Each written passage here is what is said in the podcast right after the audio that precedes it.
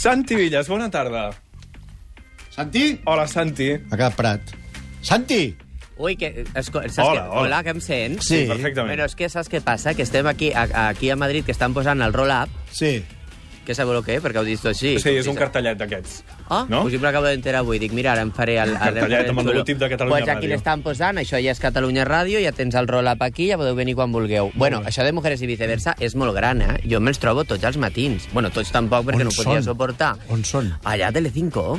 Ah, clar. I aleshores estan totes allà, totes amb unes melenes, i venga moño italiano, i venga, venga secador, i venga peluqueria. I ells, a mi em va fer molta gràcia una cosa, que ells es maquillen l'escot. Com que van amb aquestes samarretes tan, Ah, ah, tan sí. obertes, saps? Sí, sí. A llavors eh, les fa, li fan els maquilladors, "Ma- maquilles l'escote, mm. i llavors et maquillen l'escot. Jo també me l'he fet maquillar després de veure aquests nois. Jo també m'ho maquillaré. clar. Ja, però jo els hi faig. Tota aquesta també- paramenta del roll-up i tot això que tens aquí a... Ui, tinc aquí uns operaris, Però escolta, que van què? i venen, que, és que, això, que no? posen tot...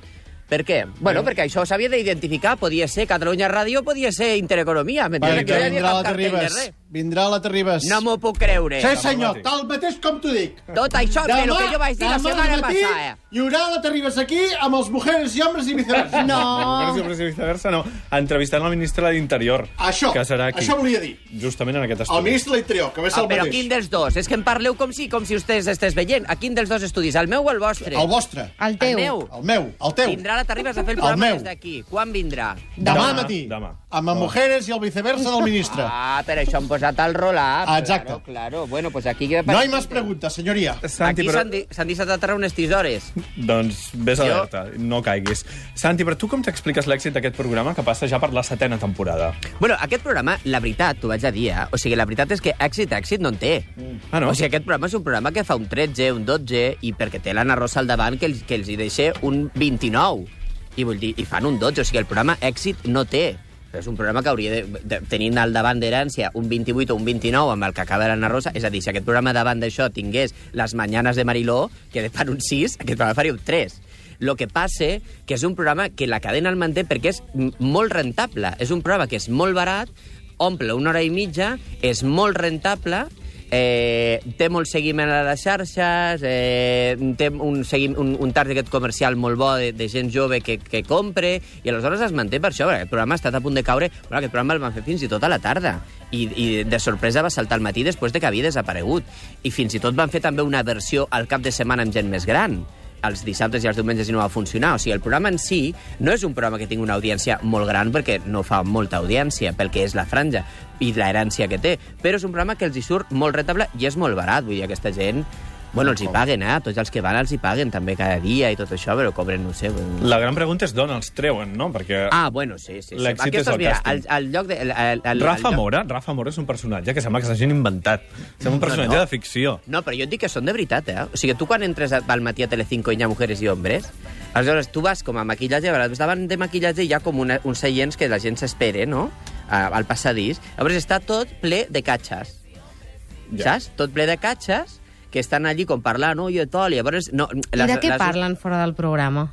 Bueno, pues ayer de tal, y entonces me puse en Twitter, bueno, parlant d'aquests temes de profunditat, pues que me dijo en Twitter, que si no sé què, que si le colga una foto, que si le echo un like, que si me gusta o no me gusta... Tot això és el que ells parlen. Allà, tots morenos, morenos, morenos, marrons, o sigui, són gent amb marró, maquillat. amb l'escot maquillat després de sortir, llavors le- les, les hostesses els van com separar, no, no, no podeu hablar hasta que lleguis al plató. Llavors arriba un moment que pels escales baixa Emma García, amb aquell cabell de peluseta que li, fa, que li va Molt fer guapa, com una... molt guapa. Molt guapa, però, per exemple, Emma García és, o sigui, va baixant les escales i el cabell va fent com mones a dalt. O sigui, a veure com t'ho explico. Com si fos un suflé que mou amunt i avall, com va baixant. Jo m'encanta Sí. perquè me la miro, me paro i dic, espera que t'adelanto, li faig. I m'avanço unes escales i l'espero a baix com si fos la vedet. I va baixant i va fer el cabell. Bum! I M'encanta, a mi què, per què m'agradaria fa fer-ho. sempre aquests programes? Bueno, pues perquè és que, si no, què fa? Jo no sé, un debat. Vull dir-te, no? ja, Una sí, cosa- ja el va fer, eh? Ja va fer un debat. Ja va fer aquell programa que va substituir el programa del Jordi González, de Ah, la Núria. és veritat. Claro, ja va fer un debat i, i, què? I, I tornar res. I claro, y es posa allà i li comencen a parlar i no sap de què parle. I és una monada i és molt simpàtica, aquesta noia. Però, clar, pues això ho sap fer, la senten allà a la, a la... Home, a veure, tornem a parlar de lo mateix que parlàvem l'altre dia amb la sociòloga. Tu, a la que has estat a, univer... a una universitat, ni que sigui de cambrera al bar, m'entens? Has tingut contacte amb algun universitari... Bueno, hi ha mujeres i homes toreges, perquè aquesta gent, què vols que diguin? Clar, aquesta gent, els pobres, no diuen res. Ja, pues, bueno, pues diuen allí, pues tal, y entonces le dijo, i s'emprenyen, després van a una discoteca... Eh, bueno, totes aquestes coses. Però són gent molt... Jo la trobo gent grandiosa. Ara, Santi. de tots no en fas uno, eh, també. Ja, ja m'ho imagino. Ah, Avui comença la gran batalla dels dimarts a la Sí, televisió. sí, sí, sí. Avui comença Masterchef, que ja sabeu que és la tercera temporada, que ja vau tenir l'altre dia el Jordi Cruz. Sí, senyor. Sí. Dijous. Molt bé. Eh, i, I a més a més, comença aquesta sèrie d'Antena 3 que ells diuen que ja se l'havien inventat abans que Ocho apellidos vascos, però jo diria que no. Però bueno, i és una sèrie que és el mateix. O sigui, jo crec que ba- basada en el Ocho apellidos vascos, pues en un senyor que de, del País Basc se n'ha d'anar a Sevilla i allà coneix a una enfermera sevillana. Uh -huh. Aleshores estan pues, la germana de Paco León, la mare de Paco León, el Mauricio Colmenero aquest d'Aida, aquest, aquest tipus d'actors, i aleshores, bueno, mm, jo crec que serà un èxit. Llavors estan tots com lluitant amb tot això i, i, i, i, i, està la cosa una mica que jo trobo que serà, vamos, espero que sigui un gran èxit perquè la cadena té moltes eh, té mol, moltes expectatives amb, amb aquesta ficció. De fet, Antena 3, que jo crec que està una mica nerviosa perquè no es menja un rosco, el pobre, vull dir, s'està gastant una pasta, ahir va fer un episodi de Bajo Sospecha, aquesta nit una altra ficció, eh, dimecres comença Sin Identitat, o sigui, està fent ficcions tots els dies, però ficcions de cares, eh? O sigui, no ficcions de 4 duros, ficcions cares. I, i bueno, a veure com li va. De fet, la protegeixen tant que abans a l'Hormiguero entrevisten a la Preisler. Però tindrà audiència, Ojo. això. Home, la Preisler, la Preisler, que és una persona que no parle... Però la Preisler... Preisler. Sí, sí. Ella. Ella. La, En do- la, persona. sí, sí, en persona, perquè la Preisler ha fet unes cremes. La Preisler no va a cap lloc, perquè no va a cap lloc. dir, no recordo haver-la vist a televisió en una entrevista mai. Clar, per què no hi van? Perquè ja ho saben que no podrien anar. O sigui, és quan tu volies entrevistar, tu perquè ets molt jove, i llavors tu no has arribat a la temporada on venien, de, a les programes de ràdio, venien a cantar i a parlar d'entrevistes Sònia i Selena que eren dos turrades. I Sònia i Selena sempre deia el manager, bueno, mejor que canten, ¿no? Porque entrevistarlas yo... mm, no. perquè no saben parlar. I aleshores Isabel Preisler és una Isabel senyora... Preisler té el mateix nivell que Sònia i Selena?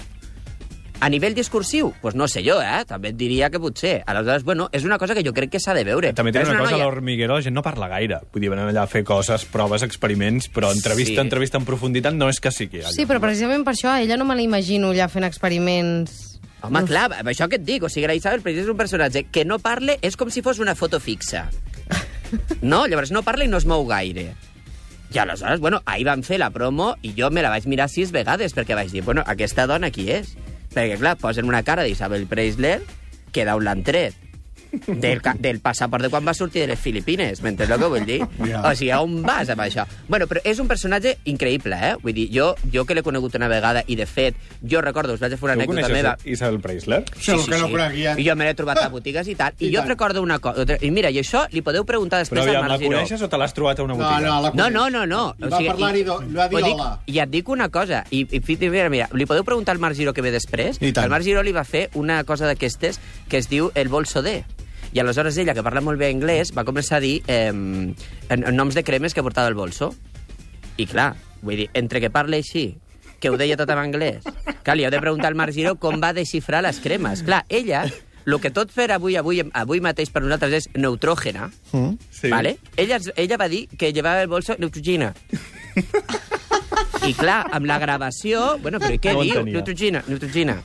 I hasta que va, vam arribar a que era neutrògena, m'entens el que vull dir? I llevo, tengo també una crema de Kyles. Kyles és Kills, que ara hi ha diverses botigues, però això fa Sí. 10 anys o 12. I és una senyora que després de l'entrevista truque personalment, bueno, estoy en la peluquería, pero truque personalment per agrair-te l'entrevista, per dir-te que le ha gustado mucho i tal, tal. És una senyora de, conversa- de converses curtes per telèfono, que en un moment, si veus que no te'l surts, diu ui, perdona, que entro al túnel de la Rovira, i talla.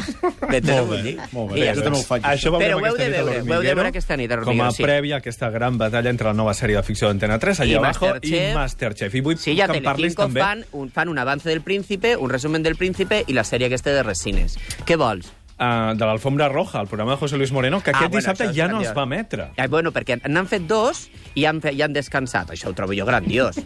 Vull dir-te, és un programa que en fan sí. dos i ja descansen per Setmana Santa. Això sí que és fer un negoci de cojones, que et diré, en castellà t'ho diré.